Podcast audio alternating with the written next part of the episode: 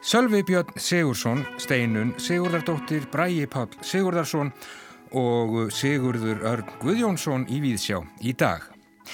Sveit Pálsson, leknir og náttúrufræðingur var ansi merkilegur maður fættur árið 1762 og setti á sinni tíð fram merkar kenningar meðal annars um jökla og eldgós.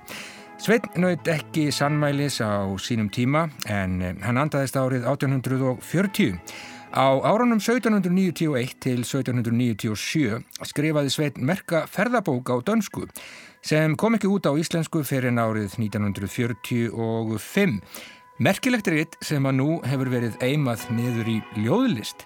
Á laugurdag þá kemur út ljóðabók sem að heitir Fundin ljóð í ferðabók Sveins Pálssonar Leknis. Höfundur er Sigurður Örn Guðbjörnsson, skáld og bókavörður og í þessari bók má einnig finna myndir eftir Harald Jónsson, myndlistarmann. Sigurður verður gestur við sjár í dag og segir frá ferðalagi sem að hófst með mannfræði en endaði í ljóðlist. Ritthöfundurinn Sölvi Björn Sigursson hann heimsækir viðsjá í dag en eh, hann sendi nýverðið frá sér skáldsuguna Seltu, apokrífu úr æfi landlæknis. Sölvi les úr verkinu fyrir hlustendur og segir frá bókinni sem gerist skömmu fyrir miðja 19. öld víða um land en einnig á meginlandi Evrópu. Og bókmyndarínin verður á sínum staði. Þetta sinn verður rýnt í tvær nýjar bækur. Gauti Krismansson fjallar um ljóðabókina Dimmumót eftir Steinunni Sigurdardóttur en Steinun fekk tilnefningu til Íslensku bókmyndavelunana nú á dögunum fyrir þá bók. Og Björn Þór Viljámsson hann rínir í skáldsöguna Östur eftir Braga Pál Sigurdarsson eftir fyrsta skáltsaga Braga. Og við ætlum að byrja nákvæmlega þar á bókmynda ríni og já, Dimmumót heitir Nýjasta ljóðabók Steinunar Sigurdardóttur sem fagnar 50 ára réttöfundarammali á þessu ári en fyrsta bók hennar, ljóðabókin Sífellur, kom út árið 1969.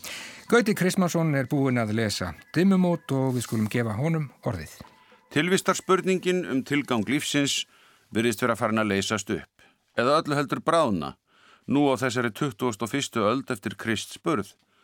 Gamlu spurningarnar um trúabröð, eilíkt líf, um skipulega ríkja, heimsmála, kommunisma, kapitalisma og hvað eina Allt er þetta með hólum hljóminu og dögum. Kanski er þetta leiðindi lífsreynslunar að tala hjá mér, miðaldra manneskunni. En við sem á þeim aldrei erum höfum ju prófað eitt og annað gegnum tíðina. Svo kannski megum við hafa skoðan líka, við erum ekki verið sen í lenn þá, en vissilega segum margt sem misfærist hefur. Skálskapurinn og listin almennt virðast með vera eitt af því fáa sem þrjóskast við og hefur ennþá intak. Maður sér þá því að ungt fólk flikkist til að skapa og njóta enn á þessum síðust og vestu tímum og það sem meira er, það hefur hljóm nýra ratta rétt eins og eldri listamenn höfðu sínum æsku árum. Dimmumót eftir Steinni Sigurðardóttur er nýjasta verk skaldkonu sem stíða fram aðeins 19 ára og er ennað 50 árum síðar, vopnuð reynslu og þekkingu, en einni tilfinningu fyrir því sem er ferst og alltaf óvennilegt, einhvern veginn tekst en að koma lesendum sínum sífælt á óvart. Dimmumót er í sjö hlutum mjög mismunandað efni, en intakið er svo upplausn á tilgangi tilverunar sem endur speglast í bráðunum jöklana sem eru svo stort enkenni á okkar Ísalandi, eins og vel kemur fram í ljóðunum. En hún byrjar á sakleysinu og þetta verist reyndar að vera sjálfsæfi sögulegu ljóðmælandi. Það er frásagnar þáttur og frammynda í esku og uppveisti ungu stelpunar í hlutverki hans. Hún fer í sveitina, rekur kittnar, sér móta fyrir jöklunum í fjarska upplifur svo unglingsárin í óakverfi, það má svo sjá ósvikna fortíða þrá í ljóðinu vistar vera eitt. Á stærð við ennskan leigubíl, stúdendahóla í miðborg. Allt sem til þarf, eldhús og baðkar í fullri lengt. Úr rúmunu var hægt að snerta veggin á móti.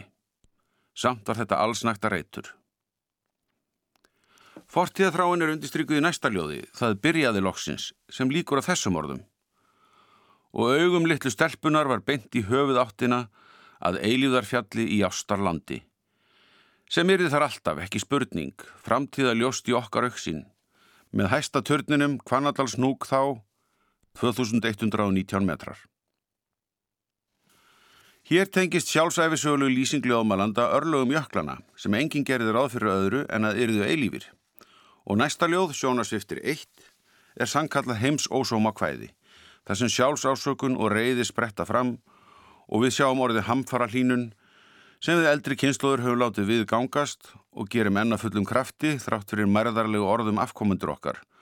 Og ljóðmælandi spyr af þunga er okkur alveg sama. Annar hluti bókarinnar, Ísfjallið rambar, líkamnar jökulinn, gerir hann að lífveru sem lifur og deyr og lýsir fæðingum hans á jökum við lónið. Börnin sem rekur út á haf og deyja. Kraftmikið líking sem hittir í mark. Skömmu síðar vendir skaldi kvæðið sín í kross með ljóðunni Sjökonan 1. Þar eru komnar sjö konur á ferðum jökulinn til að njóta listisemta hans sem náttúruafls og skáka einu stórkarla víun enn. Ég var í fyrstu svolítið hugsi við þriðja bálkinn við bókinni. Rattir úr vatnajökla sveitum.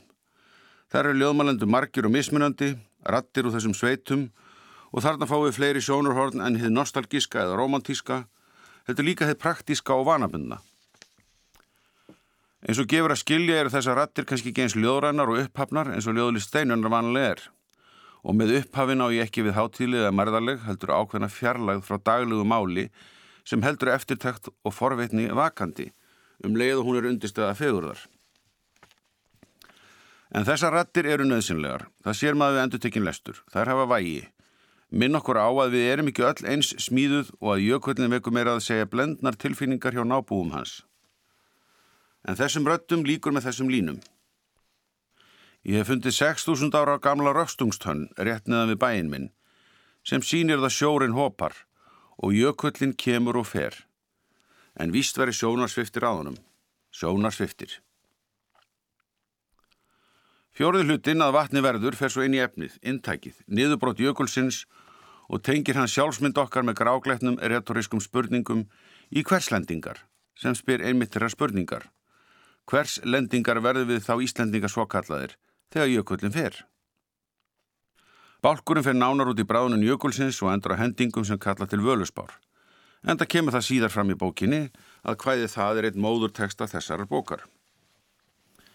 Í fymta hlutanum lítur ljóðmælandi síðan aftur til að esku badnana við jökulinn að þessu sinni frá sjónurhóttni fullorðina mannesku og það er stutt í eldglæringarnar þar sem talaður um endalók okkar tímans í hástöfum og er ljóðmælanda orðið mikið niðri fyrir. Í næsta ljóði kemur svo depurðin í kjálfarið Útkoman verður sjálfdöður snjór á hverstags bing, ekki í landi elds og ísa, heldur í landi elds og einskís. Titiljóð bókarinnar kemur svo í framhaldinu og ræði öllum að lesa það. Klassískur íslensku mótanismi þaráferð. Botnin í bálkinn slæðir skáldi síðan með mjög írónískri vendingu með vísan til fyrrakvæðis, nú heitir það vistar vera tvö. Nú sé ljóðmálandi gamla konu, háhælaða í herbergi á sama hótuli og hún er stött á. Hún átti virkilega heima þar, eins og hægt er í Stórborg, að lifa lífinu fjari tuskunni. Hótelið er mitt heimilisfang, þveng mjög töffari í hlébarðajakka. Þessi mynd á konu sem vissnað hefur upp í lúksuslífi án tilgangs á hóteli þar sem hæðirnar undir minnihæð voru gal tómar eins og móðulíf konu sem getur ekki átt börn. Og er eins og írónist svar við fortíða frá unga stúdensins í vistar veru eitt. Sjöttu hlutin undir tillinum Flæðisker fer síðan inn á svið völusbár með nokkrum likjum á leiðinni, aðala írónískum eins og vísun til bóluhjálmas, en hér er viðfangið eyðing degunda dýra og endar á hugleðingum um morðingjana sem merksu á móður sína eins og við mennindir förum að við jarðar móðurina. Eftir bölsínina óskar ljóðmælandi sér að hann geti galað galdur til að reysa við merksokna móður en í ljóðunni sjónasviftir tvö kemur fram að enn megi sjá heiminn sem stelpann sá í upphafi, landið, kýrnar, jökulinn, en því líkur á bölsýtni nótu. Ljósið í fjallinu frá okkur hverfandi, hopandi, dvínandi, hörfandi í dimmuna, svo þig dagdraumar, unaðs. Titill sjöunda hluta, það hverfur, segja okkur kannski að það er ekki happy end á þessari sögu í ljóðformi. Emið það sem gerir þessa bók mjög aðteglisverða Þessi blönduna frásagnarhætti og ljóðrænu þar sem gildi begja eru látin tóast á í heims ósómabók sem talar við okkar tíma um tilvist sem þarf virkilega á tilgangi og inntækja að halda. Ef eitthvað getur komið því í verk þá er það listin, Þannig er það bara.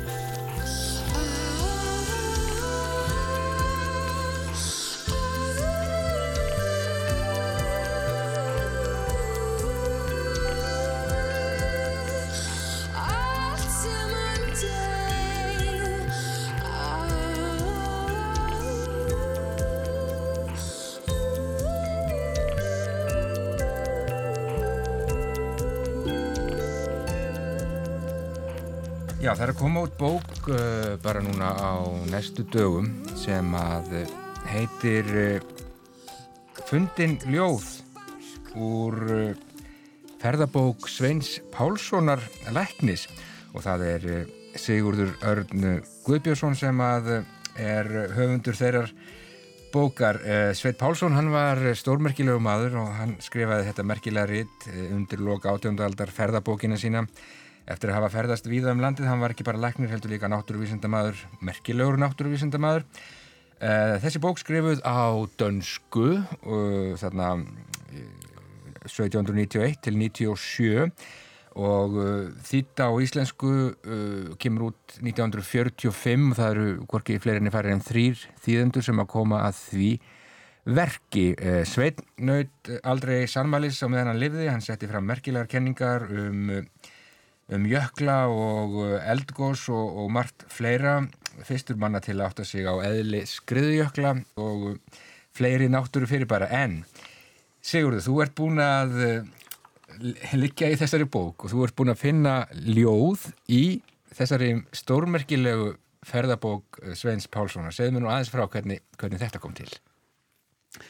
Já, í, í grunninn er ég kannski bæði ljóðskáld og e, mannfræðingur og þegar þetta, og ég hef átt þetta handrið, það er orðið nokkra ára gamalt, það var til bara mjög óvænt ég var ekki að yrkja, ég var að aðstóða Gísla Pálsson mannfræðing og við vorum að skoða hvernig menn hefur skrifað um landslag fjöll, jökla, fuggla mm. og fleira mm -hmm.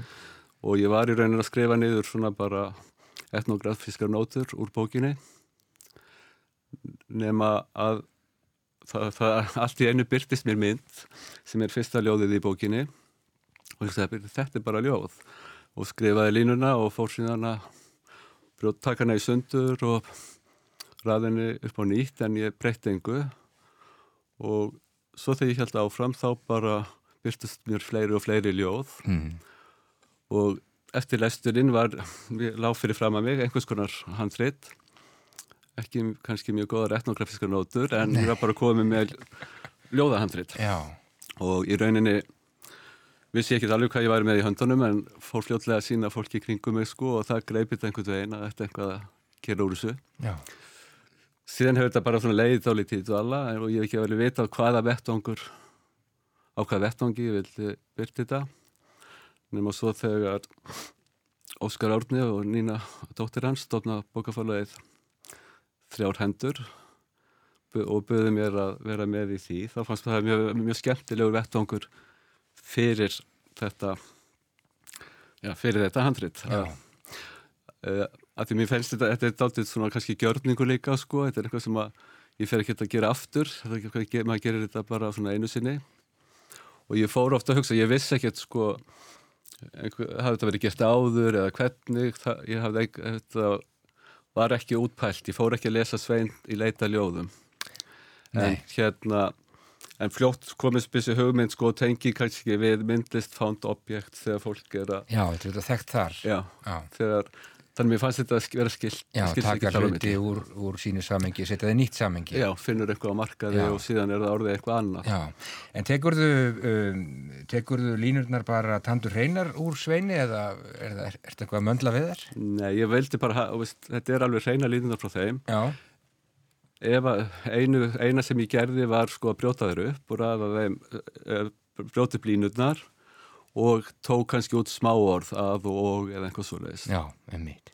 En þetta er all orðinur hans og, þý, og þýðendana. Já, Þannig minnst þetta er líka skemmtileg bara hugmynd, skilur viðbröð fólks við þessu sko eru allavegana sko, hver er, hver er höfundur, hver, á hver er þennan texta? Er það, er það er Sveit? Pálsson sjálfur eða eru það þýðendurnir eða þú sem að finnur, Já, finnur þessa bók á, á 21. öld? já, Þetta spannar þrjár aldir já.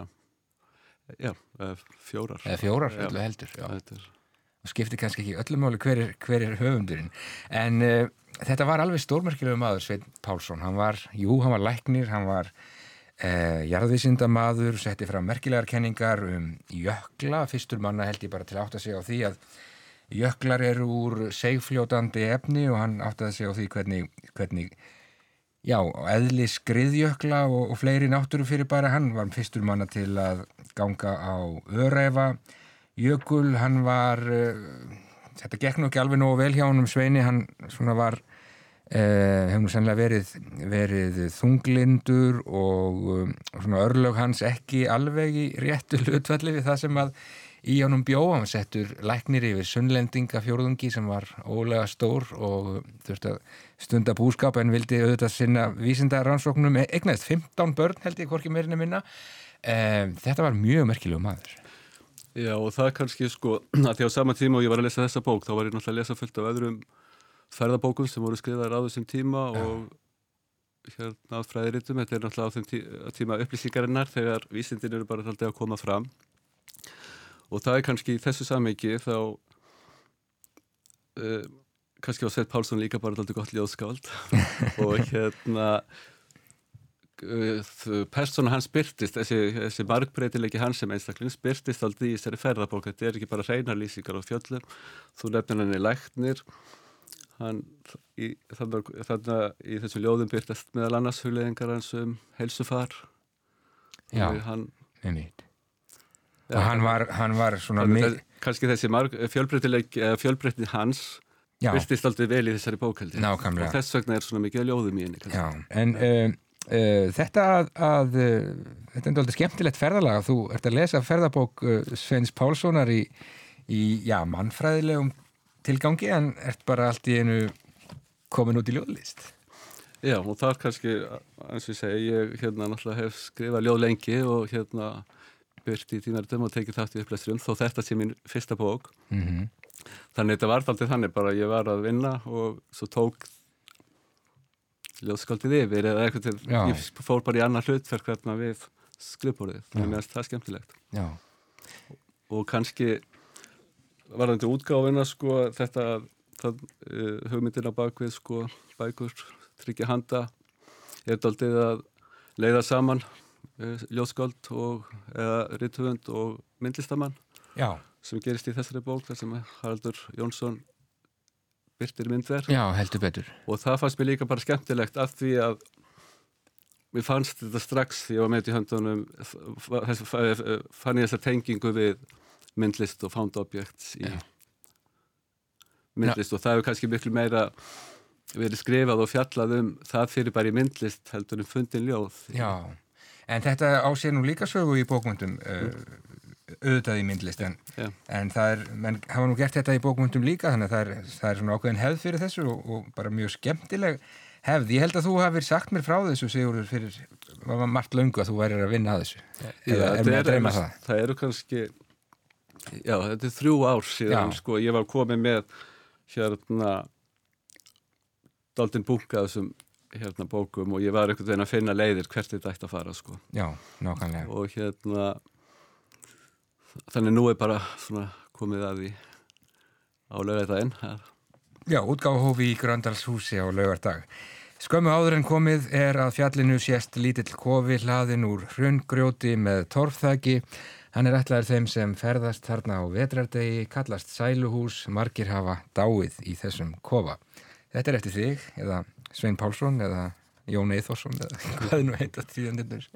Já, það er hérna, ég bara býð fólki upp á að hérna, velta því fyrir sér. Nákvæmlega. Viltu ekki bara lesa fyrir mig eins og eitt ljóð undir lokin, Sigurður? Já.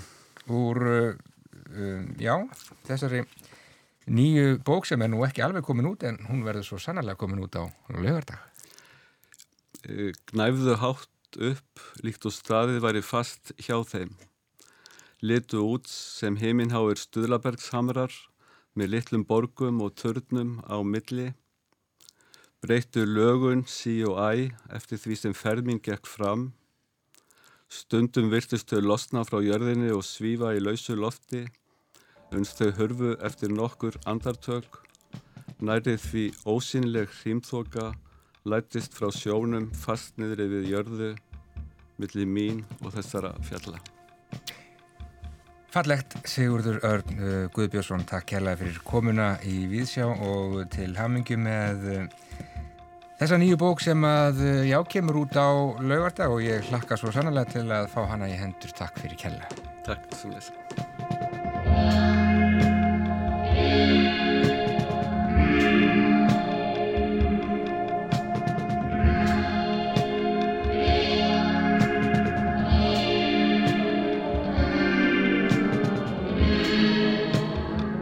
Já, fundin ljóð í ferðabók Sveins Pálssonar.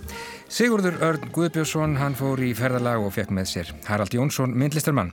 Þessi bók kemur út eh, á eh, laugardag, en eh, talandi um fundin ljóð. Á 19. öld var á dögum maður sem að hétt Konráð Gíslason, gerðnan kendur við tímaritið Fjölni og á 20. öld var á dögum maður sem að hétt Sigfús Daðason. Hann var skáld, Sigfús las bref Konráðs Gíslasonar og þá gerðist nákvæmlega þetta. Óværðar hjúpur, ellegar harnesku döl, væri þér ekki líka um og ó að velja indrægið þarna á milli. Ætli nokkur vitringur eða hálfvitringur, burkunarsamur eða óbrúttinn fær að láð þér þótt þú álítir óhöldast að fyrirgefa Brynjólfi.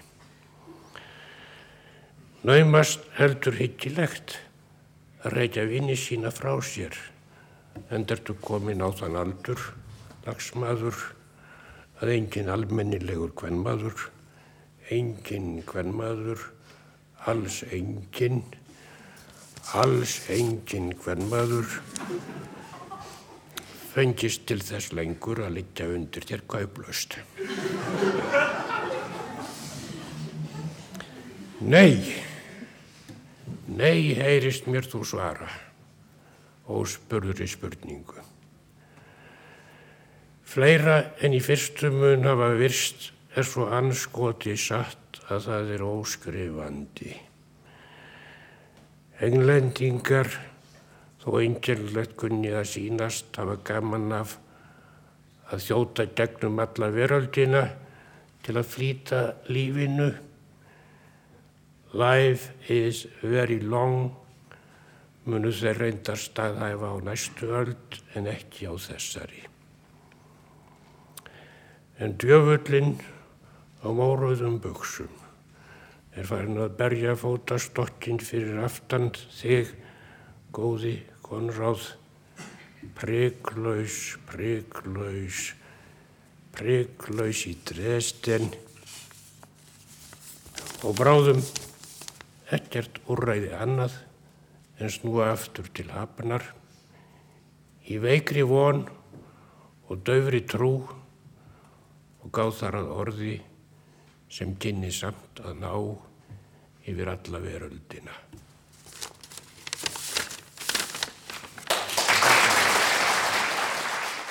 Já, Sigfús Staðarsson að lesa niðurlag hvæðis sem að heitir Söður yfir Mundiafjöll þar sem hann vittnar ótæpilega og blegðunar löst í bref Konráðs Gíslasonar sem var einhver al skemmtilegast í brefrítari sem Ísland hefur alið held ég. Þetta var ef ég mann rétt tekið upp í Norrannahúsinu fyrir margt löngu á samkomu sem að haldin var fyrir Einar Má Guðmundsson sem að einmitt var gestur okkar hér í Víðsjá í gæri. 12. desember í dag Seifúr Staðarsson andaðist hann 12. desember árið 1996. Ljóðið söður yfir Múndíafjöld byrtist í sjöttu og síðustu ljóðabók Sigfúsar og hugleða steina sem kom út eftir andlát Sigfúsar árið 1997. Þorstein Þorstensson bjóð þá bók til Brentunar Instant Classic. En við erum að drukna í bókum hér í efstaleitinu og það er ekkit annað í bóðin að fjalla um þær. Bræi Pál Sigurðarsson hefur vakið aðtikli fyrir pisla sína og ræður Um personuleg og samfélagslega málefni beinskettur mjög. Hann sendi á dögunum frá sér skáldsögu sem að heitir Östur. Þetta er hans fyrsta skáltsaga og Björn Þór Viljámsson er búin að lesa. Ég hafði mjög slæma tilfinningu fyrir þessu öllu saman. Svona hljómar upphafsmálskrinnin í Östur, fyrstu skáltsugu Braga Páls Sigurssonar. Og það er Eyvindur, kallaður Eyvi, sem mælir. Eyvindur er sögumæður skáltsugunar og í vissum skilningi slá orðin sem þarna falla, tónin fyrir frásögnuna sem ég hönd fer, Nefna kannski ekki nógu djúft í árinni tekið. Ég held þetta verði allt skjálfilegur en orð og líst, niðurlægandi, sásugafullt og hryllilegt. Upphafsorða borðið þessi hefðu fangað betur þá lífsreynslu sem eyvindur á í vændum í þessari afskaplega fyndnu en líka óhugnælegu og ókennilegu skáltsugu. En eyvindi er framtíð sín sem betur fer hulin og í fyrstu virðist Bræi Pál vera á kunnulegum slóðum. Allavega þekkjum við öll, sæmilega, myndin af kallmanninum sem á erfitt með sig, stendur ráðfrota frammi fyrir félagslegum samskiptum, skilur ekki konur og leitar skjóls í skjámenningu, einveru og ruslfæði. Þetta er íbúi kallahellisins í bandarískum gamanmyndum eða nördið sem við sjáum í sögum sem okkur eru sagðar úr tækniheimi samtímans. Þetta er Karlmaðurinn sem á óstíið síðasta skrefið á þroskabrautinni frá úlingsárunum yfir í heim hinn að fullortnu. Og þannig er Eyvindur kynntur til sögunar, hagfræðingur á færtugsaldri sem vinnur í tölvuleiki fyrirtæki í miðbænum en finnst hann ekki passa í þannan fullortna líkama sem hann finnur sig í. Það er svo eins og ógefileiki Eyvinds í mannlegu samfélagi sem jafnframt undirstrykaður af sjálfum líkamleika hans. Á einum stað er hún líkt við Hagrid í Harry Potter af samstarfsfólki sínu og hugleðingar um það hversu þróuninni eru mislegaðar hendur leita á hann þegar hann horfir á sjálfan sig í spekli. Frá mömmu sinni fær hann að heyra hans í sennilega með líkamlega dyslexíu sem er bráð fyndið konsept og kallar í einu vetfangi fram fjölbreytilegt úrval áreikstra við efnisheimin.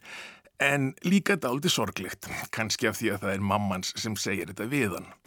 En það er jáfnframt að finna manneskuna sem félagslíf Eyvinds einskorðast við, sem auðvitað er líka, daldi sorglegt. Á föstudagskvöldum klæðir hann sig upp, kaupir helling af dýru kvítvinni og sushi og heimsækir móður sína. Saman horfaðu þau á útsvar og detti í það. Upp úr miðinætti ringir hann í leigubíl og fer heim til sín, hafandi staðið sína plikt sem félagsvera þá vikuna. Það að hann missir vinnuna á fyrstu blaðsum skáldsugnar reynir skipta harla litlu máli, nema fyrir það að þá einangrast hann að fullu. Fjárhagslega skiptir það eins var engum máli. Eyvindur er auður, kemur ljós, þótt hann berist ekki mikið á. Fyrst var það hlutabriðafbrask sem reyndist líka vel fyrir honum, en í gullbottin datan með bitcoin. Rafræna gjaldmiðlinum sem framkallað hefur eins konar gullæði í netheimum á umliðnum árum og eyvindur uppgötaði snemma. Atvinnuleysinu fylgir aðgerðaleysi sem tekur á sig mynd viðvarandi kójufillirís og segja má að þarna ná eyvindur því tilvistar ástandi sem Freud kendi við nirvana í handan veljiðuna er að segja, hann lifir fullkomlega áreitislausu lífi. Ekki einu sinni kynkvötin trublar því eins og hann segir sjálfur, þá er hann ókynhegður. Hann óskar einskís frá umheiminum, nema kannski að gengi bitcoin halda áfram að hækka og heimurinn krefst einskís af honum, ef mammans er undanskilin, þar að segja. Föstudagskvöldin halda áfram og hún hefur áhyggjur af sinni sínum. Fyrir löngu skráðun Eyvind á Facebook til að þjætta félagslegt net sonar síns eins og því er góðlátlega líst og núna gerur hún enn betur, ítir honum á tindir. Það er á tindir sem skriðþungi frásagnarinnar tekur að aukast. Þvert á væntingar sínar kemst Eyvindur að því að hann hefur kynkvöld. Hann átti bara eftir að uppgöta viðfangið sem við hann átti og alveg eins og fall reyndist fylgja hinnum sæta ávexti í upprunasögun í Eden veldur stafræn sjósókn Eyvinds á tindirmiðin rótækur raski á tilvistarhögum hans. Rask er reyndir ekki alveg rétt orðið. Fall er það ekki heldur. Hrun væri nærlægi. Tala mætti líka um katastrófíska ógefu en ég vil í raun ekki ljóstra upp um í hverju hún fælst eða hvert örlegin kasta eyfindi líkt og korktappa í ölduróti því ég vil ekki spilla ánægju væntanlegra lesenda af sögufræfindu sem er í senn frumleg og óvænt, andstyggileg og hillandi. Rétt er þó að nefna að saga þjóðarinnar likur undir og um hana er ferðast aftur og bakk í tíma. Við byrjum í stafrænum tæknifyrirtækjum Reykjavíkur samtímans, höldum svo til þess aðvunuvegar er gerði íslenskan nútíma mögulegan, áður en staðir er numið í sótsvartri fortíð torbæja og sjálfsþurftarbúskaps.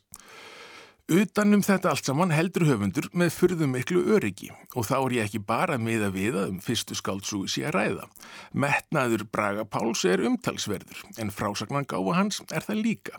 Að hér sé á ferðinni höfundur sem kann fótum sínum forráð í tungumólinu er hafið yfir vafa og það sem kom mér dálitið á óvart er að eftir svolítið hrissingslega uppháskabla verður stíl frásagnarinnar, málfarslegur búningur hennar, yfirvegaðri og þjættari og ástæðan Ástæðan fyrir því að það kom mér dálitið í opnu skjöldu er að samhliða þessari stílþróun verða efnistökin viltari og meira trublandi. Smíðagallar eru afhjúpaðir í röglegu yfirbregði veruleikans sem vekja sífælt djúbstæðari ónót í brjósti lesandans.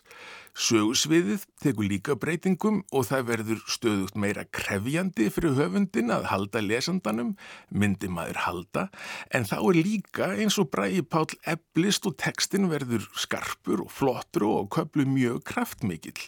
Það er eins og í stað þess að högdopna anspænis hamfarakendri framvindunni fyllist frásögnin þjóskukendu og grípandi lífi sem jáfnframt rennur saman við vitundalíf Eyvinds og kallar fram viðvarandi nefn neyðarástand í tekstanum. Það er einmitt hugmyndin um neyðarástand sem kannski fangar austur best. Á sama tíma og sjálf hugmyndin um neyðarástand hefur tekið á sig daldi sérkennilega merkingu í samtímanum. Í okkar dagfarslega lífi er það þannig að ströymur hörmunga og hamfara, spillingar og ómennskum er svo stöður í öllum fréttum sem við heyrum og sjáum að þessir hlutir festa sér í sessi og normalíserast verða fyrir vikið eins og viðvarandi kvítt suð í ramagsgræju sem einhver glemt að slökva á, frekar eins og skerandi loftvarnar lúðrablástur sem þyrtu auðvita og ætti að glimja í eironum á okkur allan daginn. Skáltsaga Bragapáls fjallar ekki um neitt einn tiltekinn tilvöru háska, heldur setur hún tilvöruna fram sem almennt háskalega, má kannski lesa sem svo að öll séum við fljótandi, meir og minna dofin og dóðin að fegðar ósi. Sagði Björn Þór Viljómsson um skáldsöguna Östur eftir Braga Pál Sigurðarsson Fyrsta skáldsaga Braga og Björn Harla kátur með hana og enn meira af bókum ágetur hlustendur Selta, Abokrífa úr æfi landlæknis heitir nýjútkomin skáldsaga eftir Sölva Björn Sigursson sem hefur verið yðin við kólan á undanförnum árum fengist við þýðingar, réttstjórn og fræðibókaritun auk þess sem hann hefur sendt frá sér skáldsögur og ljóð. Gunni Tómasson settist niður með Sölva til að ræða nýju bókina. Sölvi Björn Sigursson til hamingjum með seltu apokrífa úr æfi landlæknis. Já, takk fyrir það. E, það finnst barn á söndunum suður á landi. Já.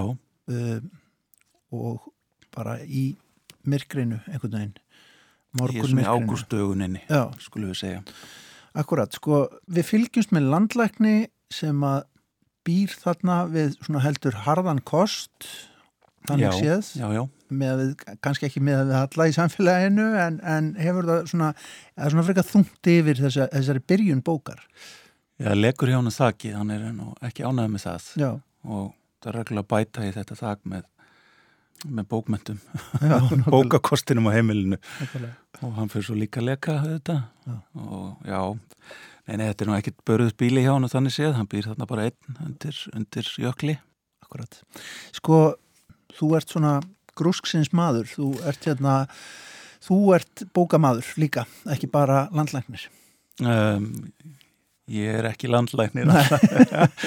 En jú, jú, ég hérna, fengist að lesa oft uh, genið tíðina um, ég myndi nú ekki segja að vera einn ein heimild fyrir sögunni, en það er sagan svona ævintýralega á köplum Já. og kannski eitt og annað sem að stingur í stúfi þar sem að hérna, hefbundin Íslandsaga 19. aldar segir okkur Amen.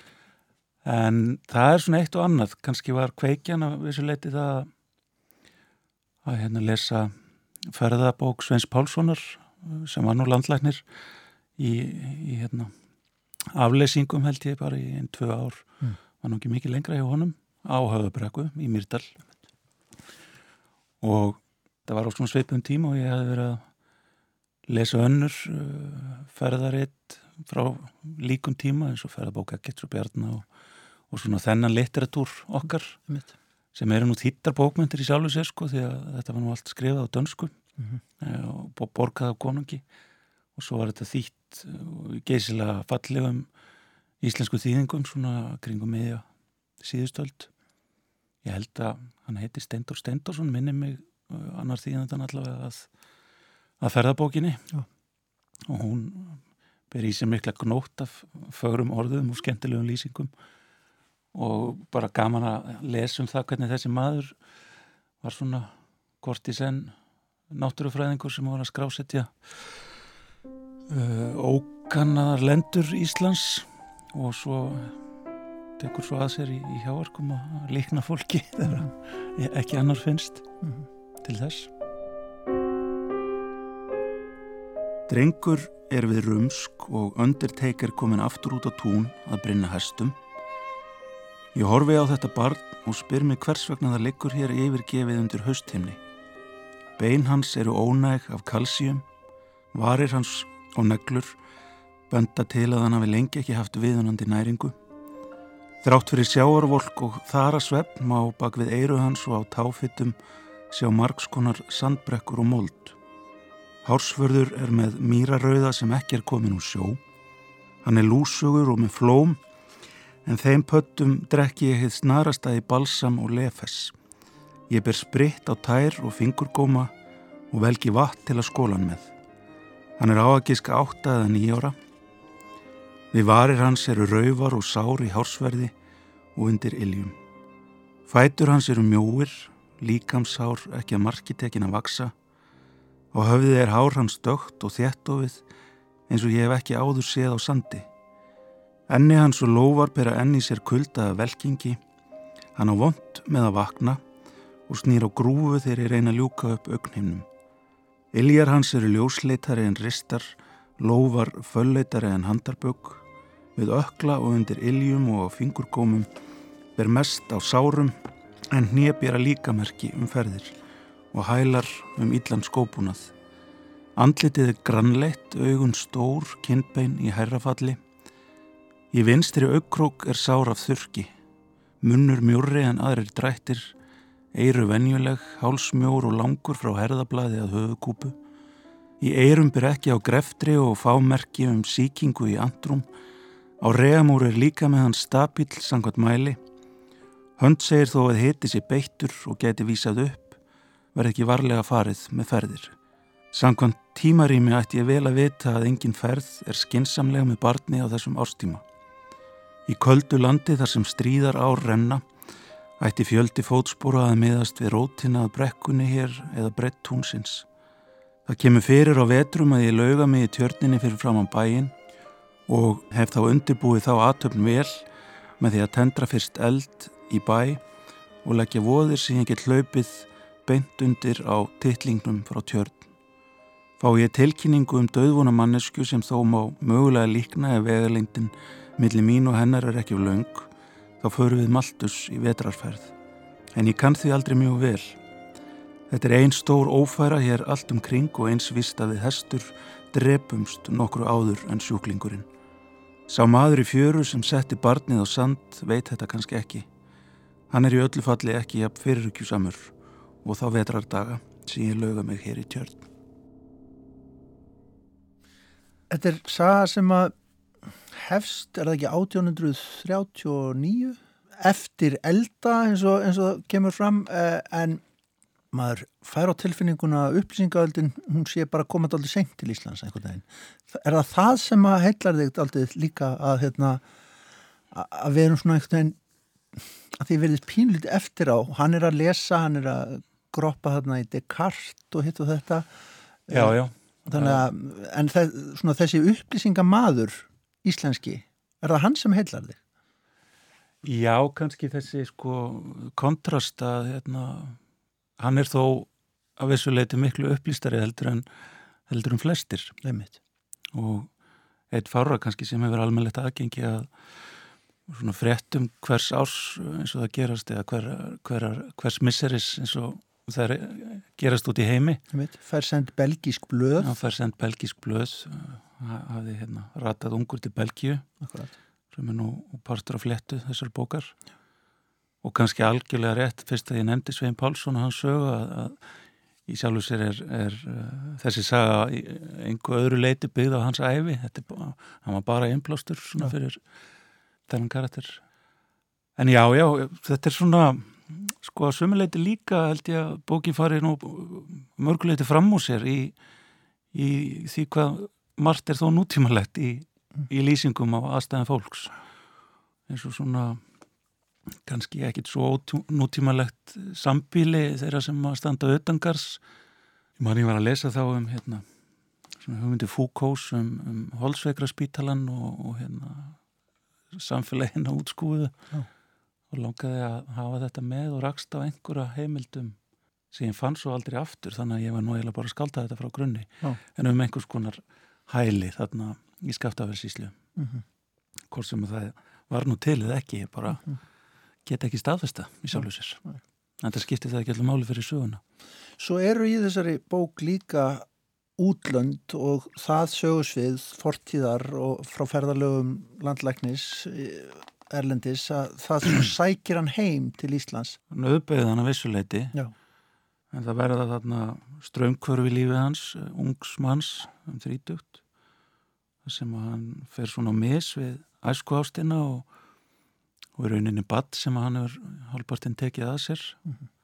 það verður þarna reykistefna í Belgíu sem að verður til þess að hérna, þau farast öll á mis og, og hann ferðast um halva Evrópu í leitað badninu mm.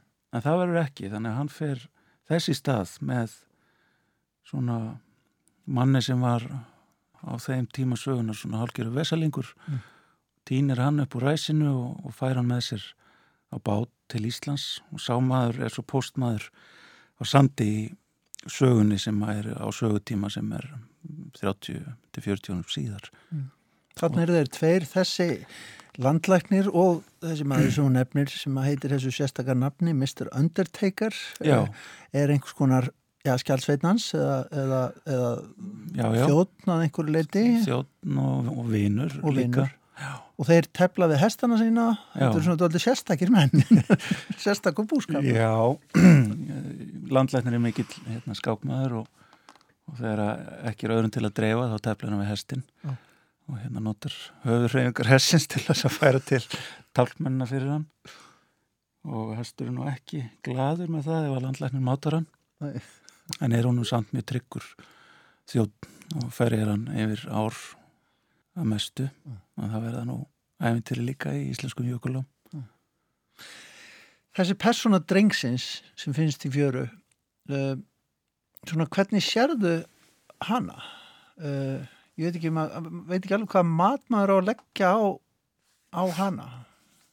Nei Nei, á ég að gera það? Ég veit það ekki. Ég veit það ekki. Já, hann finnst þarna náttúrulega bara sérstökum hætti. með sérstökum hætti.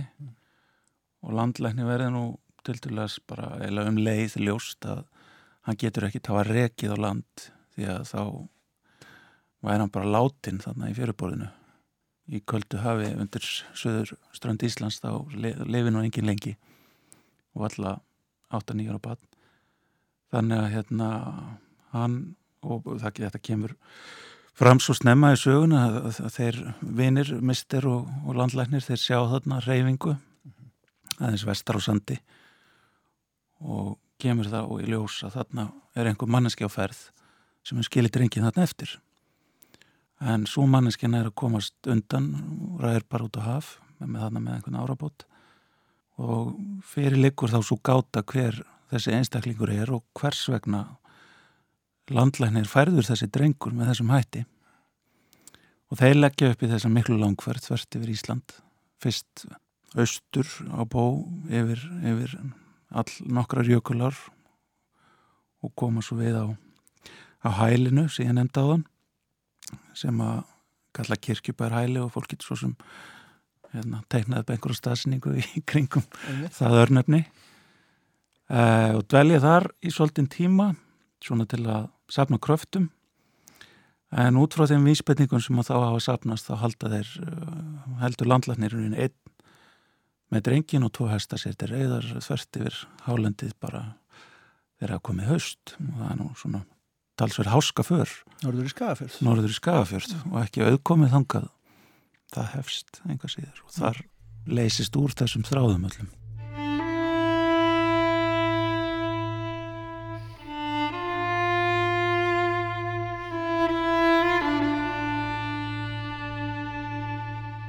Í þessari skýslu hefur margt reyðjast upp sem ég held að væri liðið. Handan minninga er þó alltaf von um nýja dagrenningu. Hún kann að vera dregin upp úr hálendi sandi og fjöruborði sem brotnar á nýjan hátt á hverjum degi. Alda fer eins langt að landi og hún kemst, svo hörvar hún. Á svartri auðnar klöpp undir tindum sést sól brjóta ljós niður hlýðar Svo leðina tíð, árin í útlöndum og fólki mitt þar, hún kom aftur og frá henni verður ekki vekið þar sem við stöndum á ás og hann fjöru. Bátur ruggar taktastur við klöpp og langar út á haf. Hér í lengsta norðri er hafið svo víðáttar sem að rannakort sér faðmsinni eða lítur fyrir. Við leggjum fæst á sjó hér á Hólma. Því þá geti næturstaður allt eins orðið í djúpi.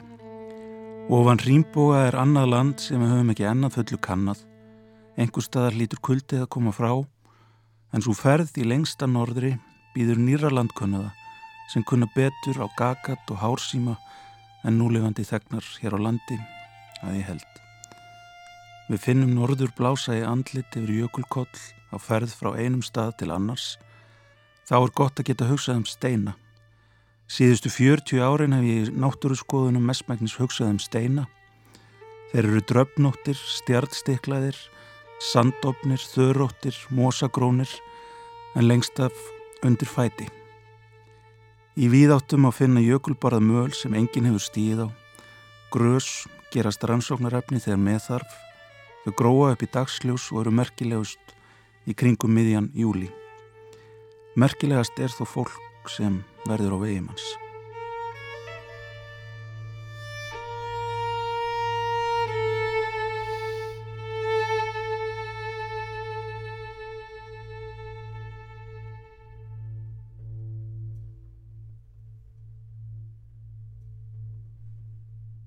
Er þetta að spyrja þig um einhvern veginn, hvað maður segja, áhrifavalda á textan sjálfan? Manni hérna, finnst þetta nú ekki, ekki taka það ítlu upp, en svona lagsne síst, skulum við segja. þetta er af því að maður er einhvern veginn fer svona út í miða-Európu líka, kemur nú upp hérna, hugmyndir um ákveðnum bækur lagsnes. Getur vel verið, ég las lagsnes svo mikið þegar ég var yngri sko, og ég hef nú eiginlega, eiginlega ekki lesið nema tvær bækur kannski í síðustu tíu árin Já. en það auðvitað þegar maður les einn höfund mikið þá kannski seitlast inn óreð áhrif sem Mhm. skila sér einhvern síðar það má vel vera En hvað er það sem er svona hillandi fyrir þig við þennan tíma?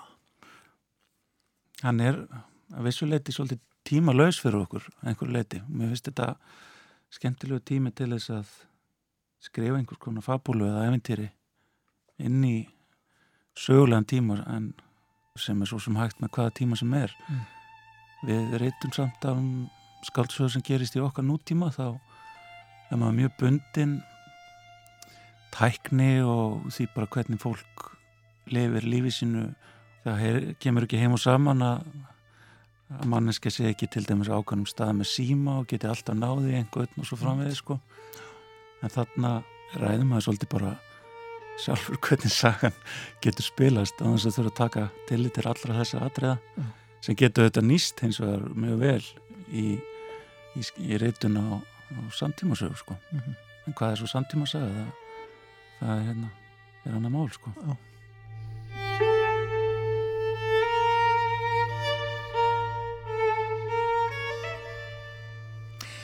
Guðni Tómasson rætti þarna við Sölvabjörn Sigursson um nýjustu skáldsöku hans Seltu apokrífu úr æfi Landleiknis sem kom út á dögunum og er einn þeirra bóka sem nýlega var tilnæmt til íslensku bókmentaverlunanna. Tónlistin í þessu einslægi var leikinn af armensk-bandaríska víjóluleikaranum Kim Kaskasjan. Og svona ágetur hlustendur ætlum við að ljúka viðsjá í dag. Við verðum hér aftur löst eftir klukkan fjögur á þriðju dag. Ég minni á úrval úr þáttum þessarar viku á dagskrá hér á Rás 1 á sunnudag klukkan 14 klukkan 2 og sumulegis á menningarvef rúf, rúfmenning.is þar sem nálgast má fjölbreytt menningarefni úr bæði útvarpi og sjónvarpi. En við segjum þetta gott í dag. Takk fyrir samfélgina. Verðið sæl.